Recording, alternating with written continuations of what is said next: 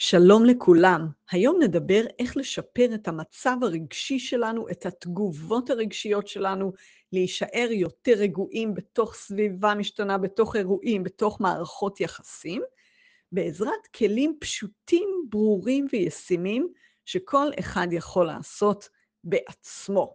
אלו כלים שלא עולים כסף, או כמעט שלא עולים כסף, ואתם לגמרי לגמרי יכולים לעשות אותם בעצמכם. אוקיי, אז בואו נתחיל. קורים אירועים סביבנו, הילד אומר משהו, בן זוג אומר משהו, בוס אומר משהו, קורים אירועים במציאות, אנחנו נוהגים וקורים אירועים. אז אירועים קורים סביבנו כל הזמן, ואז השאלה היא, מהי התגובה הרגשית שלנו? עד כמה אנחנו קופצים? עד כמה אנחנו מתרגשים? עד כמה אנחנו נכנסים ללחץ או לזעם או לחרדה? זה יכול להיות מאירועים, זה יכול להיות אפילו ממחשבה על כל מיני אירועים. אז אירועים יקרו, והשאלה איך אנחנו מגיבים אליהם. הנקודה הראשונה להבין היא שהתגובה שלנו היא מגיעה מתוכנו, היא מגיעה מתוך המצב הרגשי שלנו, והרבה הרבה ממנה מגיע מתוך העבר שלנו. אז דברים שקרו לנו בעבר משפיעים עלינו היום. עוד מעט נסביר את זה יותר. אז אם הילד שלכם אומר משהו ועכשיו אתם כועסים, הילד הוא לחץ על איזה כפתור, או אפשר להגיד משך טריגר, טריגר זה ההדק של האקדח. אז האקדח היה קיים, הילד משך את הטריגר והאקדח ירה. זה לא בדיוק בגלל הילד. כן, הילד קשור לזה, או כל אדם אחר שקרה לנו איזה אירוע איתו. האדם הזה קשור לזה, אבל רוב הדרמה שקורית עכשיו אצלנו בפנים, יכול להיות רק אצלנו, יכול להיות שאנחנו מוציאים את הדרמה גם החוצה. רוב הדרמה הזו לא קשורה להווה, אלא לעבר. אדם אחר עם עבר אחר משלנו היה מגיב אחרת. אדם אחר עם מצב רגשי אחר היה מגיב אחרת. אז האירועים סביבנו ימשיכו לקרות, אבל אנחנו רוצים לשפר את המצב הרגשי שלנו, זה ישפר את התגובות הרגשיות שלנו, וזה ישפר את כל המערכות יחסים בחיינו, וגם את היכולת שלנו לעשות דברים, לקחת על עצמנו פרויקטים, להתקדם. כל זה קשור למצב רגשי טוב. אוקיי, אז בואו נדבר על המושג של טראומה. טראומה, הפירוש המילולי הוא מכה. טראומה זו מכה. אז אם אתם תגיעו לבית חולים, אני מקווה שלא, אז יכתבו למשל שקיבלתם טראומה ברגל, כלומר, קיבלתם מכה ברגל. אז טראומה זאת מכה, טראומה זה איזשהו אירוע שקרה בעבר והוא היה כואב, והשאלה אם האירוע הזה גם השאיר עלינו חותם, כלומר, הוא גרם לאיזה רגשות שהיום משפיעים עלינו. אז המושג לזה הוא פוסט-טראומה, יש לנו תגובה של פוסט-טראומה, כלומר, יש לנו תגובה של אחרי המכה, אבל בקיצור אפשר לקרוא לזה טראומה. יש לנו טראומה, יש לנו אירוע בעבר שהשפיע עלינו, והוא הסיט אותנו רגשית מהמסלול שלנו. אז אנחנו היינו אולי רגועים, אולי היינו שמחים, היה לנו ביטחון, וקרתה טראומה, קרה אירוע שהסיט אותנו מהמסלול שלנו, והוסיף לתוך המערכת שלנו, לתוך הגוף שלנו, המוח שלנו, זה הכל מחובר אחד לשני, הוסיף לתוך המערכת שלנו רגשות קשים. כמובן, אלו דברים שקרו מאוד מאוד בעבר והתחילו מהילדות. אז יש לכולנו טראומות. טראומות יכולות להיות קטנות וגדולות, הן יכולות להיות מאירועים קטנים וגדולים. אז אם הייתה לכם ילדות קשה והופעלה עליכם אלימות, או אלימות בנישואים, או כל מיני מצבים מאוד מאוד קשים כאלה, בטוח יש לכם טראומות מהאירועים האלה, אבל יכול להיות שהייתה לכם ילדות טובה, וגם יש לכם טראומות מהאירועים שקרו, שאפילו היו קטנים יחסית. לא נתקלתי באדם שאין לו טראומות, יש אנשים עם ילדות טובה מאוד, כמו שלי, שיש להם טראומות אולי לא כל כך גדולות, אבל אירועים שמשפיעים היום על המצב הרגשי שלי. אז לכל אלו אנחנו נקרא טראומות, ואפשר לעבוד איתם, אפשר, אפשר, אפשר לעבוד איתם. היום אנחנו נדבר על כל מיני כלים שאתם יכולים לעשות בעצמכם כדי לאבד את הטראומות. תכף נדבר מה זה לאבד את הטראומות. במפורט, אבל על רגל אחת לאבד טראומות זה להקטין את ההשפעה שלהן עלינו, כך שהיום אנחנו נהיה רגועים, כך שהיום אנחנו נישאר מחוברים לאנשים סביבנו גם כשקורה איזה חיכוך, גם כשקורה איזה ויכוח. אנחנו מחפשים היום להיות במצב רגשי טוב, למרות שקרו לנו טראומות בעבר. אוקיי, אז קרו אירועים בעבר, יכולים להיות גדולים, יכולים להיות קטנים, ואירועים שונים גם ישפיעו שונה על אנשים שונים.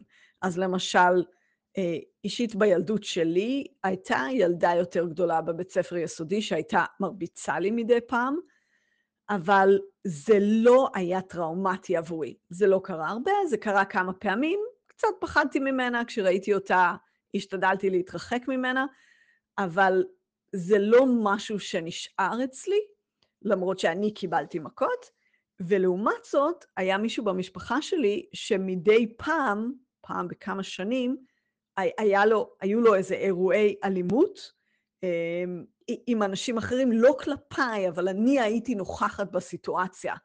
וזה השאיר חותם הרבה יותר גדול אצלי. כלומר, זה יצר איזושהי טראומה לנושאים שעבדתי עליהם הרבה, אבל אתם שומעים, גודל הטראומה לא תמיד קשור לגודל האירוע, כי אפשר לחשוב שלקבל מכות יהיה יותר גרוע מלצפות באיזשהו אירוע, אבל זה לא עובד ככה.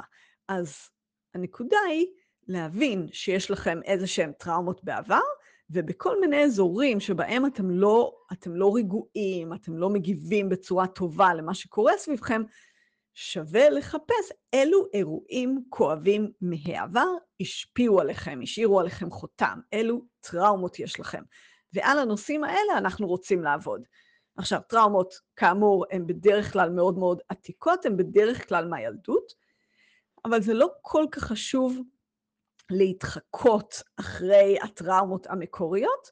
כלומר, אם היום קרה משהו שהסעיר אתכם, אז אפשר גם לעבוד על האירוע הנוכחי. אפשר לעשות את מה שתכף נדבר, אפשר להפעיל את הכלים, גם על אירועים נוכחיים.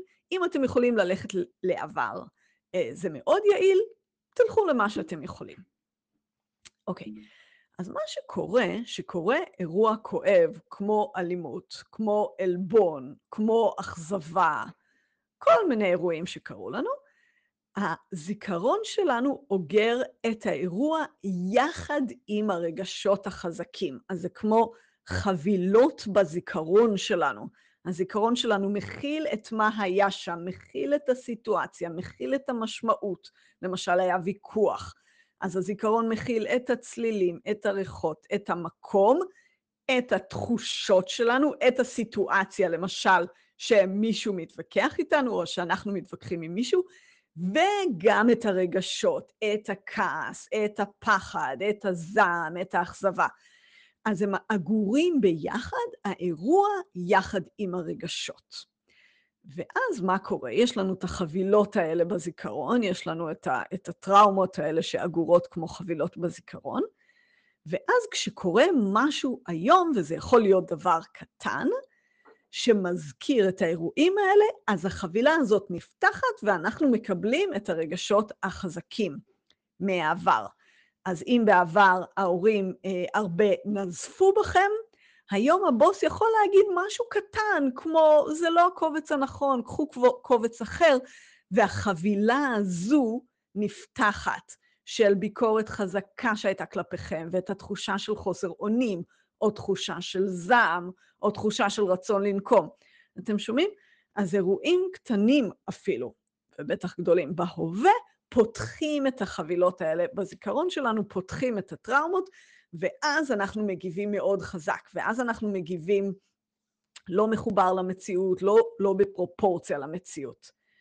וזה יכול לפ, לפעמים להיות מאוד מאוד קשה. אז יש הם, אמ, מקרים של אלימות, שבן אדם חווה בילדות שלו אלימות, וכמעט תמיד זה יתורגם לאיזה שהם מקרים של אלימות היום במציאות של חייו, אלא אם כן בן אדם עשה הרבה עבודה. לרוב זה יתורגם לפחות לזעם מאוד חזק. למה? יש כאן הרבה סיבות, אבל בנושא שאנחנו מדברים עליו, כשהופעלה אלימות על הילד, היה אגור בתוכו זעם עצום, הזעם הזה אגור כמו חבילה יחד עם אירוע, למשל של עימות, ואז יכול להיות שהילד שלו היום לא ירצה ללכת לישון ויתחיל לצעוק, והחבילה הזאת נפתחת. אתם שומעים? הנה עימות שפותח את החבילה של העימות שהיה בילדות שלו ומוציא משם את הרגשות של הזעם. אז לכן מאוד מאוד חשוב לעבוד על הטראומות שלנו, גם גדולות וגם קטנות. כדי להיות היום במצב רגשי טוב, כדי להיות היום רגועים. אוקיי, רגועים ואתם יודעים, אולי מתרגשים, אבל לא במידה מוגזמת, יכולים להפעיל את האנרגיה שלנו, יכולים להיכנס לפעולה, לא קופאים, לא מתייאשים, לא עם התקפות זעם. לשם אנחנו רוצים להגיע. אוקיי, אז איך נעשה את זה? מה הכלים שאנחנו יכולים להשתמש בהם? אז קודם כל נפריד בין לשפר את המצב הרגשי הכללי שלנו, למשל להוריד את, ח... את רמות החרדה, ההתרגשות החזקה, הרגשות החזקים. כללית, אנחנו רוצים להוריד את הרמות שלהם עבורנו, וגם אנחנו רוצים ספציפית לרכך, להקטין את החבילות האלה של טראומות שיש לנו, שאגורים שם רגשות כל כך חזקים. אז אנחנו רוצים להגיע לחבילות האלה ולרכך שם את הרגשות, שכשהחבילה הזאת נפתחת, כי היא כן תיפתח, אז שהרגשות שם יהיו הרבה הרבה יותר עדינים. ולאט לאט יכול להיות שגם החבילות האלה בכלל לא ייפתחו, כל החבילה הזאת תשתחרר. אז אנחנו רוצים גם להקטין את הרמות של רגשות חזקים וקשים בחיינו באופן כללי, בכלל, וגם אנחנו רוצים לאבד ולרכך את הטראומות האלה, לפתוח את החבילות האלה, שהם לא ייפתחו ככה ויביאו, יוציאו משם את הרגשות הקשים. אוקיי, אז נקרא לזה באופן כללי להפחית חרדה. זה קצת במקום כל פעם להגיד רגשות קשים וכעס וזעם וחרדה, אפשר לדבר על חרדה, שהיא אחד הרגשות המאוד נפוצים, וסך הכל הכלים האלה מתאימים להרבה מהרגשות. אז באופן כללי, אנחנו יכולים לוודא ולפעול לטובת להיות במצב יותר טוב מבחינה רגשית. איך? זה אומר להיות במצב יותר טוב מבחינה פיזית. דיברתי על זה גם בהקלטות וסרטונים אחרים.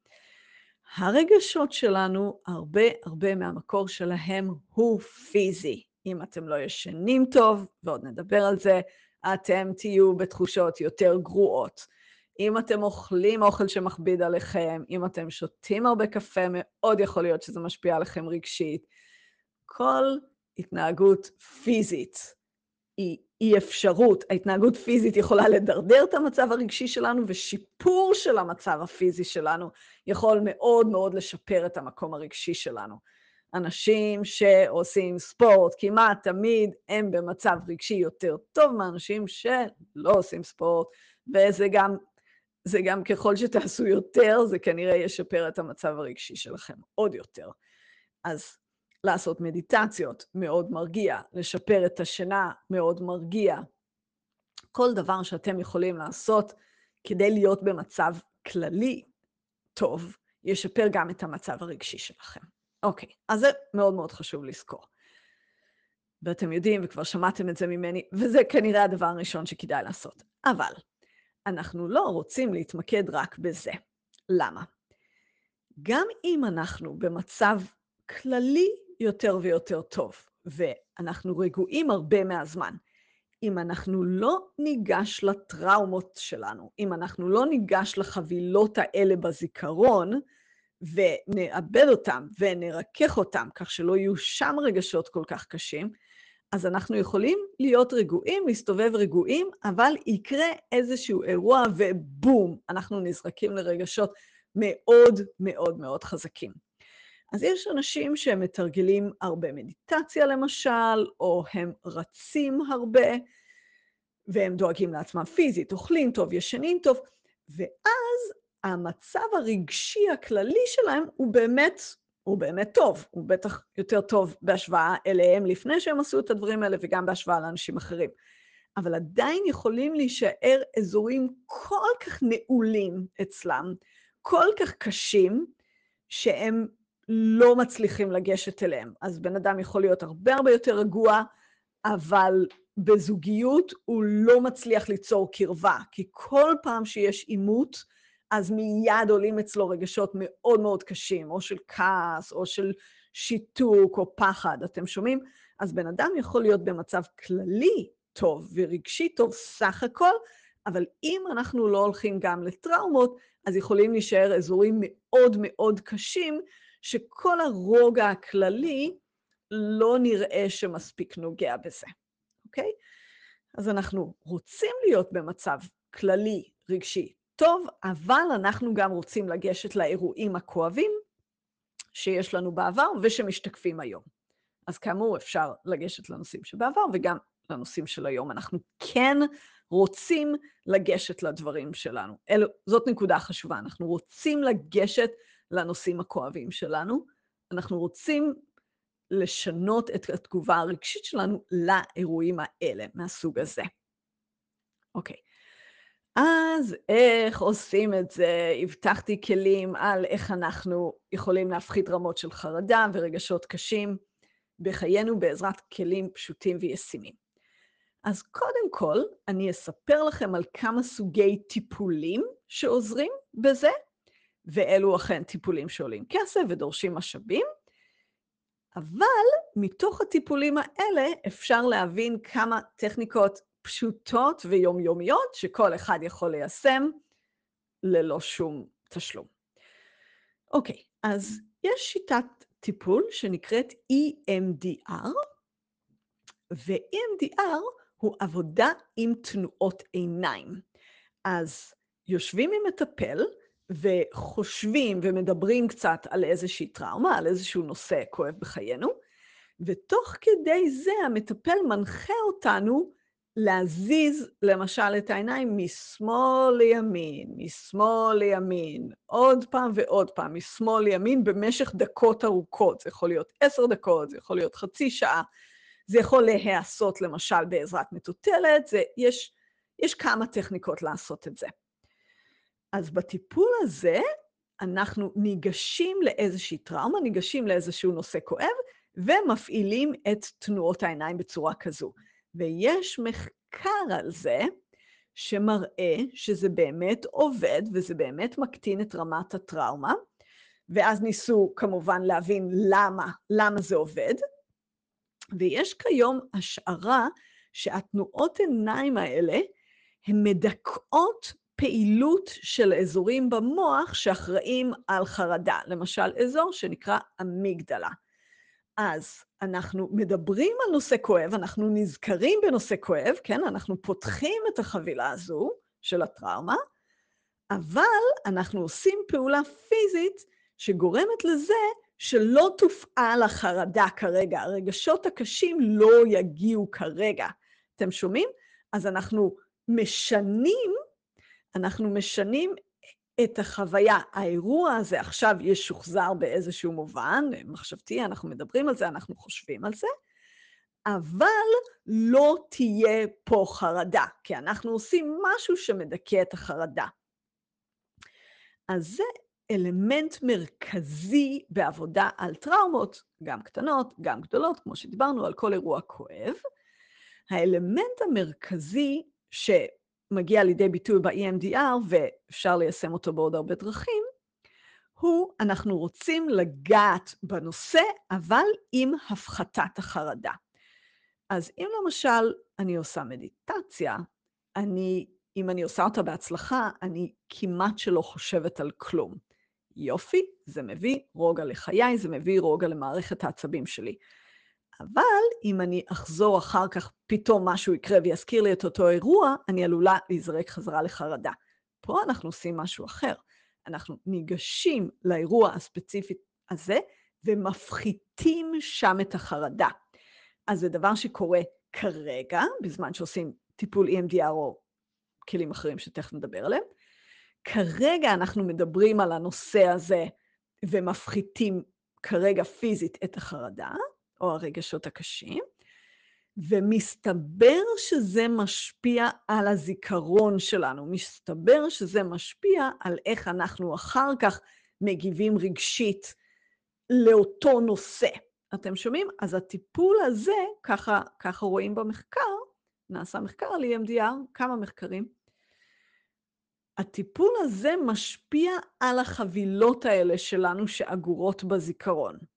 אז אם קודם האירועים האלה היו מקושרים לרגשות מאוד חזקים, עכשיו זה יפחת.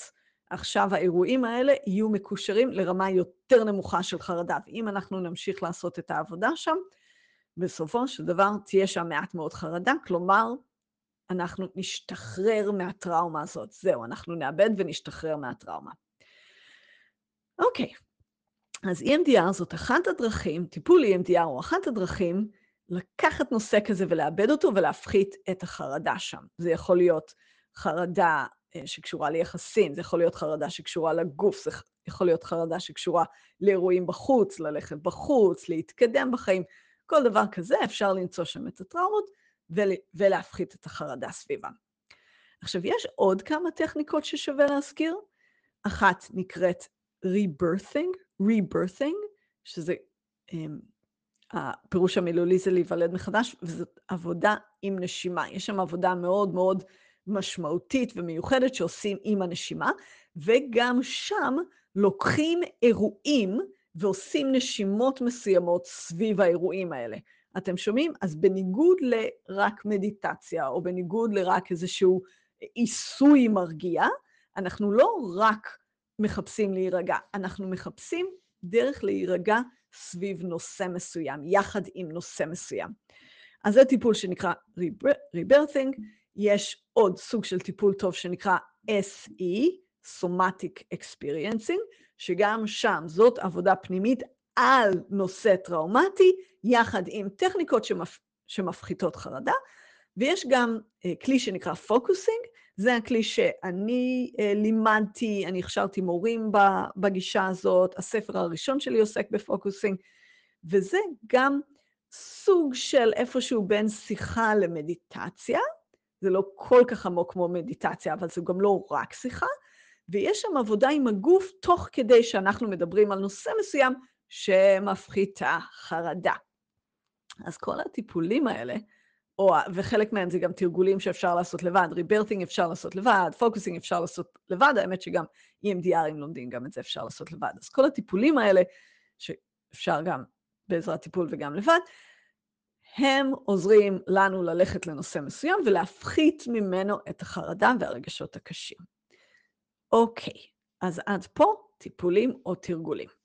ואני הבטחתי כלים יומיומיים פשוטים, שכל אחד מאיתנו יכול לעשות בלי לשלם, בלי אפילו לעבור קורס שילמד אתכם את הטכניקות האלה, אנחנו יכולים לקחת אותם לפעילויות יומיומיות.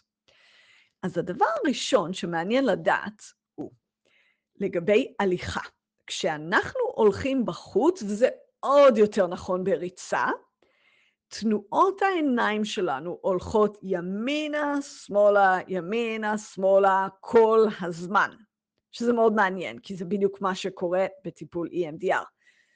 אז אם אתם רצים, רצים בחוץ, אם אתם uh, נמצאים בחוץ ורצים בים, ברחוב, בטיילת, בפארק, בכל מקום שאתם יכולים לרוץ בחוץ, אם אתם עושים את זה, תשימו לב בפעם הבאה שאתם רצים, שחד וחלק העיניים שלכם כל הזמן עושות את זה. ימין, שמאל, ימין, שמאל. אנחנו סורקים כל הזמן. אחרי שלמדתי את הנושא הזה ויצאתי לריצה למחרת, ראיתי שלאורך כל הריצה, זה מה שהעיניים שלי עושות, נקודה. ובהליכה זה גם קורה, לפעמים טיפה פחות. אז אם אתם עושים הליכות, אתם לגמרי יכולים לעשות את העניין הזה של לסרוק עם העיניים ימין, שמאל, ימין, שמאל, אבל שם כדאי באמת לוודא שאתם עושים את זה. ריצה היא מהירה, והגוף חייב כל הזמן לסרוק את השטח כדי שלא ניפול, כדי שלא ניקלע למשהו, אז זה מאוד אוטומטי. בהליכה אני שמתי לב שזה קצת פחות, אבל אפשר לעשות את זה, אפשר לעשות את תנועות העיניים האלה גם בהליכה, וזה סך הכל גם די טבעי. אז בזמן שאנחנו עושים הליכה או ריצה, אנחנו יכולים לאבד טראומה. אנחנו יכולים לחשוב על נושא כואב, משהו בכלל שכואב בחיינו, או על משהו שקרה אתמול, או משהו שהבן זוג שלנו אמר היום בבוקר, אנחנו יכולים לצאת להליכה או ריצה ולקחת איתנו את הנושא הזה ולאבד אותו. אז זה אומר שאנחנו חושבים עליו, אולי לפעמים אפילו קצת מדברים בקול רם, אם אתם יכולים, ועושים את תנועות העיניים האלה. כאמור, בריצה זה יקרה אוטומטי בצורה מובטחת, ובהליכה בואו נוודא שאנחנו עושים את התנועות עיניים האלה. אז זה משהו שאפשר לעשות. עכשיו, כמובן, אנחנו רוצים בזמן הזה לא לחשוב על נושא מאוד מאוד אחר שלא קשור לחיינו. אז למשל, אם אתם, כשאתם יוצאים להליכות או ריצות, אתם תמיד מקשיבים לפודקאסט, או תמיד מקשיבים, לא יודעת, אה, לאיזה מוזיקה שמאוד מאוד משפיעה עליכם, ונניח מאוד אתם מעורבים במוזיקה שלכם, מצב כזה, יופי שאתם עושים את ההליכה או הריצה, אבל זה פחות יעזור לנושא הזה שאנחנו מדברים עליו, של לקחת אירועים ולהפחית מהם את הטראומה. אתם שומעים? בגלל שהמוח שלכם הוא מאוד מאוד נכנס לנושאים אחרים. ואתם לא פנויים להיות בתשומת לב למה שקורה איתכם, לנושאים שלכם. אז אני לא אומרת שזה לא טוב, זה נהדר לפעמים בהליכה להקשיב, או בריצה להקשיב לפודקאסט, או כמובן לדבר בטלפון. יופי, תעשו את זה, אבל בטח מדי פעם, או אם קרה משהו, אם קרה משהו מסעיר אצלכם, כאמור, מסעיר יכול להיות דבר קטן, יכול להיות דבר גדול, אבל אצלכם הוא גורם לאיזו סערה, או אפילו אתם לא יודעים על מה הסערה. אם יש איזושהי סערה, אז אל תצאו להליכה עם פודקאסט, אל תברחו מזה, אתם גם מבזבזים את ההזדמנות שלכם, להפך, תצאו להליכה בלי כלום, או אולי עם מוזיקה שהיא למשל כמו מוזיקה קלאסית או ג'אז, משהו שהוא לא מכיל מילים, ואז תוכלו לעשות לעצמכם בעצם את הטיפול הזה. עכשיו, במשך הרבה הרבה שנים, אני ממליצה ללקוחות שלי לעשות אה, הליכות לפחות, או ריצה, כל אחד מה שהוא, יכול כרגע, ואני יודעת חד וחלק שזה עוזר לאנשים. אני לא מכירה, לא היה לי לקוח אחד שהוסיף הליכות לחייו, או הגביר, או העריך, או הוסיף ריצה, וזה לא השפיע לטובה על חייו, על המצב הרגשי שלו ועל ההתקדמות של תהליכים שבן אדם רוצה להגשים. בדרך כלל בן אדם בא לקואוצ'ינג כי הוא רוצה אולי להרוויח יותר כסף, או להתקדם בעבודה, או לשפר איזו מערכת יחסים. יש לו איזושהי מטרה, והליכה תמיד עזרה לזה. עכשיו, אני ייחסתי את זה, את התועלת של הליכה או ריצה, להעלות את האנרגיה של בן אדם, שיש לו יותר אנרגיה פיזית, יש לו יותר אנרגיה רגשית, הוא יותר יכול להתמודד עם דברים. ככה אני פירשתי את התועלת של הליכה וריצה, ואני עדיין חושבת שזה נכון, אין לי ספק שזה משפיע לטובה על כל דבר, כל פעילות פיזית שאנחנו עושים משפיעה גם על השינה שלנו, גם על כל דבר בחיינו מבחינת האנרגיה הפיזית שלנו והבריאות שלנו, זה תמיד משפיע על הבריאות. אז כן, אבל היום אני מבינה גם שיש לזה את הערך הזה של הפחתת החרדה. כלומר, זה טיפול שעוזר ישירות לנושא של חרדה ורגשות קשים. והרבה אנשים שאני מכירה, מתי שהם התחילו אה, לרוץ או ללכת בצורה קבועה, היה כשקרה איזשהו אירוע קשה בחיים שלהם. אני התחלתי לרוץ אה, כל יום כשהתחלתי את התהליך פרידה בתוך הנישואים שלי. אז יצאתי כל ערב לריצה, אני סיפרתי לעצמי שאני יוצאת, כי אין לי מה לעשות בערב, ואין לי, לי איזה משהו כיפי לעשות בערב, עם בן זוג שלי באותה תקופה, אבל היום אני מבינה גם שהיה שם משהו מאוד מאוד חשוב של הפחתת חרדה. אוקיי, אז הבטחתי כלים פשוטים וישימים, והראשון היה הליכה או ריצה, ולשים לב שאנחנו עושים את תנועות העיניים האלה, ימין, שמאל, סורקים ימין, שמאל, בזמן שאנחנו חושבים או זוכרים איזשהו נושא בחיינו. אז זה היה הכלי הראשון הזמין והנגיש. עוד דבר מאוד מאוד מעניין, מסתבר שכשאנחנו חולמים, כשאנחנו ישנים את שנת החלום, את השלב בשינה שנקרא REM, Rapid Eye Movements, תנועות עיניים מהירות, זאת שנת החלום. מסתבר שגם שם יש שחזור של אירועים בחיינו, אבל ללא הרגשות החזקים. גם שם יש הפחתת חרדה. אז כולנו מכירים שלפעמים יש סיוט או יש רגשות בחלומות, בדרך כלל זה לא יהיה בשנת החלום. יש שם תופעות אחרות שקורות. אז בגדול, שנת חלום נותנת את אותו האפקט הזה שאנחנו מחפשים, של אנחנו נוגעים באיזה שהם אירועים, אבל ללא החרדה. ובן אדם שיש לו מספיק שנת חלום, שנת REM, תהיה לו פחות חרדה סביב האירועים. גם זה כבר, כבר יש מחקר על זה, ויש כבר הרבה נתונים על זה. אז אם אנחנו רוצים לשפר את המצב הרגשי שלנו סביב כל מיני נושאים בחיינו, אנחנו צריכים לוודא שתהיה לנו מספיק שנת חלום. אז איך עושים את זה? איך אנחנו מגיעים למצב שיש לנו מספיק שנת חלום? דבר אחד שאפשר לעשות, הוא חורג, מ, הוא חורג מהעניין של לא עולה כסף בכלל, יש הרבה אנשים שישנים עם שעון כלשהו שמודד את השינה. יש שעוני ספורט ויש שעונים חכמים שמודדים את שלבי השינה שלנו. זה לא מדויק, זה אף פעם לא מדויק, אבל זה נותן איזושהי תמונה, במיוחד אם אנחנו משווים מיום ליום. יכול להיות שיש טעויות בשעון, אבל בגדול, אם בלילה מסוים השעון אומר שאנחנו ישנו מעט מאוד שנת חלום, כנראה שישנו מעט. אז השעונים האלה, שעוני ספורט, שעונים חכמים, יכולים למדוד שינה, ויש שעונים בטווח של מאות שקלים בודדות, שיכולים לשרטט לכם את שלבי השינה שלכם ומה היה האורך של השלבים השונים. אחר כך השעון מסתנכרן עם האפליקציה בטלפון, ואתם רואים בדיוק כמה ישנתם, או על השעון עצמו. אז דבר אחד שאנחנו יכולים לעשות אם אנחנו רוצים לשפר את השינה שלנו, זה להתחיל לעקוב אחריה, ולהתחיל לבדוק ולראות כמה באמת אנחנו חולמים. אה, ההשערה היא שבן אדם אה, מבוגר, בריא, צריך באזור הבין שעה וחצי לשעתיים של שנת חלום בלילה. עכשיו, אז זה לגבי למדוד. עכשיו, איך אנחנו יכולים להשפיע שתהיה לנו מספיק שנת חלום בלי קשר למדידה, בין אם למדוד ובין אם לא? אז קודם כל, הרבה מהשנת חלום מגיע בשלב האחרון של הלילה.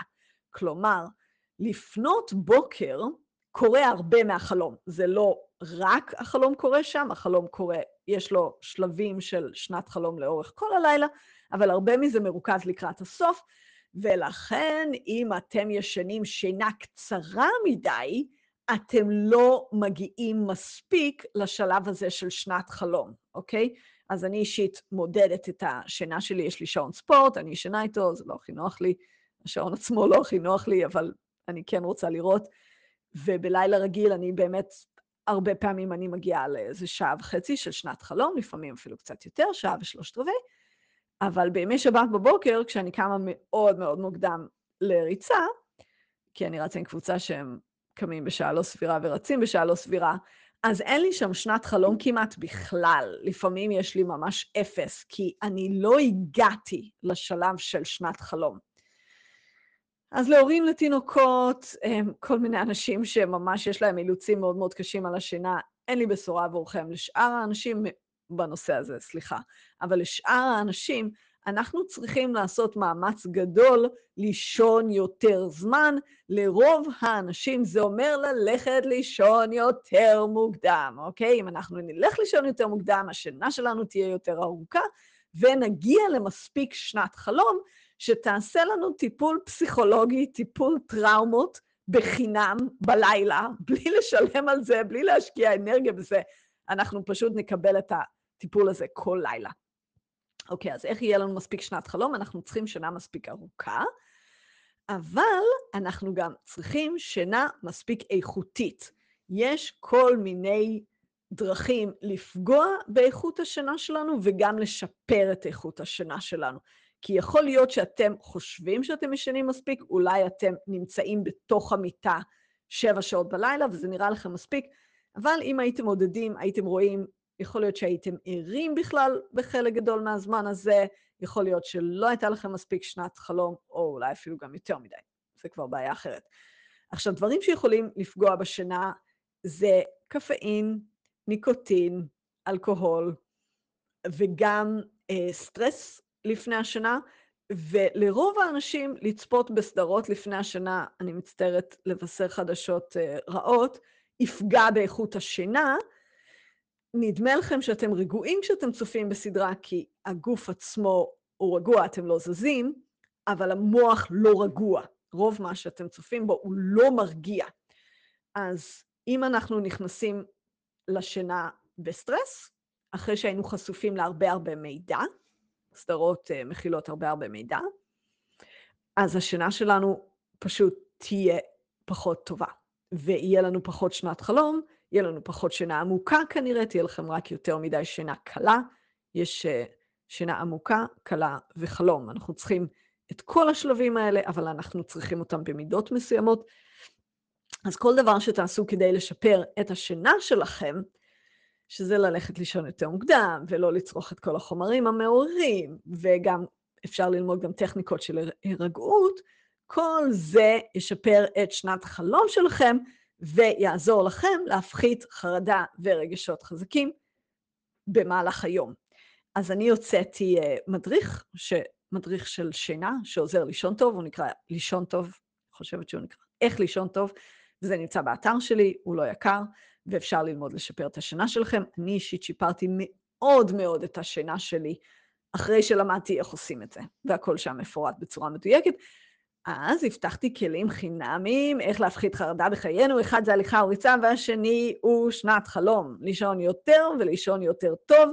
זה יעזור לכם להיות במצב רגשי הרבה הרבה יותר טוב, וזה יעזור לכם לאבד טראומות, כולל אפילו טראומות שאתם אפילו לא מודעים אליהן. אוקיי, ואני אתן לכם עוד שני כלים. אחד, שאני מאמינה שרוב האנשים לא מודעים אליו בכלל.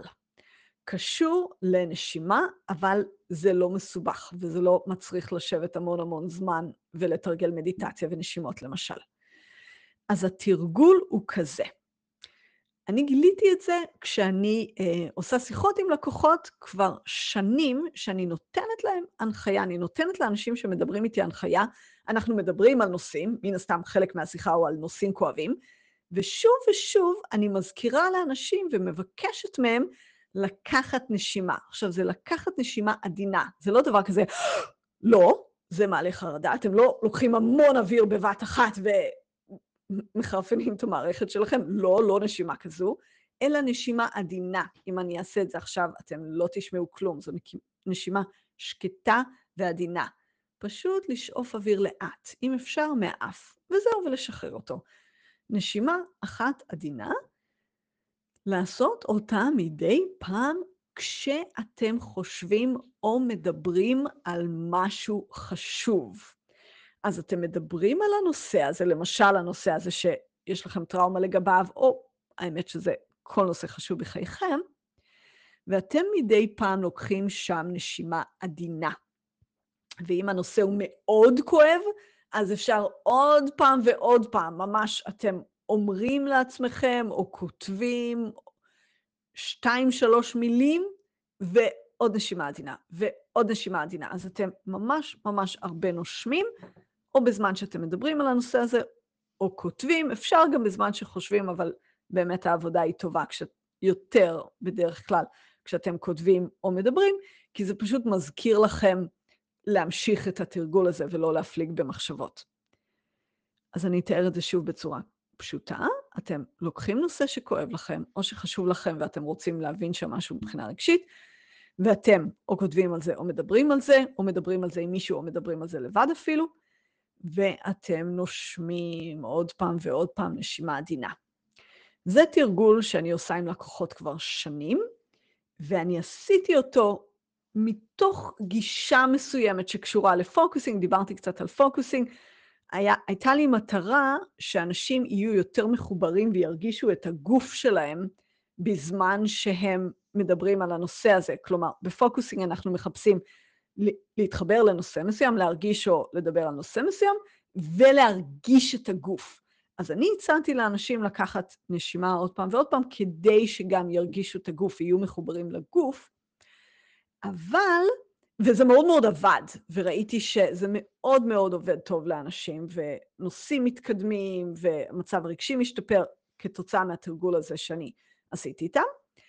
וככל שלמדתי על חרדה ועל הנושא הזה של לעסוק בנושא מסוים יחד עם הפחתת חרדה, הבנתי שהנשימות האלה שאנחנו עושים קשורות להפחתת החרדה והרגשות הקשים. אז אנחנו מדברים על נושא שהוא יכול להיות מסעיר, אבל בגלל הנשימות אנחנו מפחיתים שם את החרדה. אז בעצם התרגול הפשוט הזה של כתיבה או דיבור או אפילו מחשבה על נושא כואב ולקחת הרבה נשימות עדינות, התרגול הזה גם הוא בעצם עוזר לאבד טראומות, לפתוח את החבילות האלה בזיכרון שדיברנו עליהן. אוקיי, אז זה עוד תרגול מאוד פשוט שאפשר לעשות. אפשר גם לשלב את זה ביחד. אתם יכולים לצאת להליכה ולחשוב על איזשהו נושא או לדבר בקול רם, אפילו בשקט, אבל ממש עם הפה אם אתם יכולים, ולקחת נשימות. אז אתם גם עושים עם העיניים וגם לוקחים נשימות עדינות. אז זה תרגול שמאוד מאוד עוזר. אני נוכחתי בזה עם בן אדם אחרי בן אדם, לקוח אחרי לקוח, זה מאוד מאוד עוזר, תרגול שעוזר. אוקיי, ועוד טכניקה אחת פשוטה, קשורה למגע בגוף. אם אנחנו חושבים על איזה נושא או מדברים על איזה נושא, ותוך כדי זה אנחנו גם נוגעים בגוף של עצמנו. למשל, נוגעים, ב... מלטפים את הירכיים, או אה, מלטפים את הפנים, או נוגעים בראש, או אפשר ללטף את הידיים או את הרגליים. זה נראה קצת מצחיק, מן הסתם תעשו את זה שאתם לבד, גם זה עוזר להפחית חרדה. מגע, גם כשהוא המגע שלנו, עוזר להפחית חרדה. עכשיו, יש כאן כמובן גם סוגי טיפול שמישהו אחר עושה את זה איתכם, מישהו אחר נוגע בכם וזה מפחית את החרדה שלכם בזמן שאתם מדברים על משהו, אז כמובן זה מצוין. אז טיפול של מגע שהוא לא רק מגע, אלא גם אתם מדברים או חושבים או מעלים איזשהו נושא מסוים ואז מוסיפים שם מגע, זה מאוד מאוד עוזר. לכל מה שדיברנו, אבל באמת אפשר לעשות את זה גם לבד. אם מתישהו אתם חווים איזשהו התקף חרדה, שזה אירוע של רגשות מאוד מאוד מאוד חזקים, או תחושה כזאת של שיתוק או משהו כזה, שהוא לפעמים מתבטא כמשהו פיזי, אה, תחושה שקשה לנשום למשל, אז מאוד מאוד עוזר מה שתיארתי של לגעת בגוף, וללטף את הגוף, במשך כמה דקות. כמובן גם לקחת נשימות עדינות, ואפשר גם, גם שם לעשות את התנועות העיניים. אוקיי, אז בואו נתחיל לסכם מה דיברנו היום ומה הכלים שאתם יכולים להשתמש בהם. אז כדי לשפר את המצב הרגשי שלנו, אנחנו רוצים גם להיות במצב פיזי טוב, שזה לאכול טוב ולעשות ספורט ולישון טוב ו- חיבוקים גם מאוד עוזרים, ומגע, ושיחות עם אנשים, ולבלות עם משפחה, ולבלות בטבע. אז כל אלה יעזרו לנו להיות במצב פיזי טוב, שזה יביא אותנו למצב רגשי טוב. גם את זה רוצים לעשות, וגם אנחנו רוצים לאבד אירועים כואבים בחיינו, לאבד טראומות בחיינו, גדולות, קטנות, אירועים קטנים, אירועים גדולים, כדי שהיום התגובות הרגשיות שלנו יהיו יותר מתונות, יותר רגועות. אנחנו רוצים לפתוח את החבילות האלה בזיכרון שבהם אגורים יחד אירוע מסוים ונושאים מסוימים יחד עם רגשות מאוד מאוד חזקים. את החבילות האלה אנחנו רוצים לפתוח ולרכך את הרגשות האלה שעולים שם. אוקיי, איך נעשה את זה? אז יש שיטות טיפול שאפשר לעשות כמו EMDR, כמו Rebirthing, כמו Somatic Experiencing וכמו Focusing, ש Focusing זה משהו שגם אני עושה, ואני עושה את זה עם לקוחות. וגם יש כלים פשוטים ויומיומיים שאנחנו יכולים לעשות כדי מצד אחד לגעת בנושאים הכואבים האלה שלנו, ולגעת בנושאים האלה ולחשוב עליהם או לדבר עליהם, אבל להפחית שם את החרדה. אז ריצה מאוד עוזרת, כי יש שם תפ... התנועות עיניים של ימין-שמאל כל הזמן. גם בהליכה אנחנו יכולים לעשות את זה, ותוודאו שכשאתם עושים הליכה וחושבים על איזה נושא, שיש את התנועות העיניים האלה מצד לצד. אז גם אפשר לעשות את זה בהליכה, אבל כדאי שם לא כל הזמן להקשיב לפודקאסטים, למשל, או לדבר בטלפון בפעילויות האלה, כי אז לא ניתן לעצמנו הזדמנות לאבד איזה טראומות שיש לנו. אז הליכה או ריצה, שנת חלום, הדבר הקסום הזה, האירוע הקסום הזה שאנחנו חושבים על איזה נושא, אנחנו משחזרים נושאים ואירועים בחיינו, אבל ללא החרדה, קורה גם בשנת חלום. בשנת חלום, באופן כללי, אין רגשות ואין את החרדה. יש סיוטים, אבל הם בדרך כלל לא בשנת חלום. אז עבור זה אנחנו צריכים לשפר את השינה שלנו, ואנחנו צריכים להעריך את השינה שלנו, וכל דבר שישפר ויעריך את השינה שלנו יעזור לנו לחלום יותר, וזה יעשה לנו את הטיפול הזה נגד חרדות ונגד טראומות בזמן שאנחנו ישנים.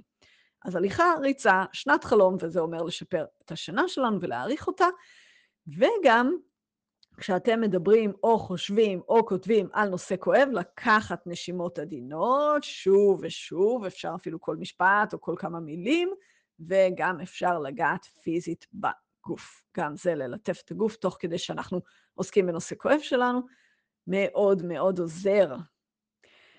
אז אני מקווה שתנסו, אני מקווה שתיישמו, לפחות דבר אחד, מוזמנים לספר לי איך הולך, וזה ממני להיום, סלי תדמור.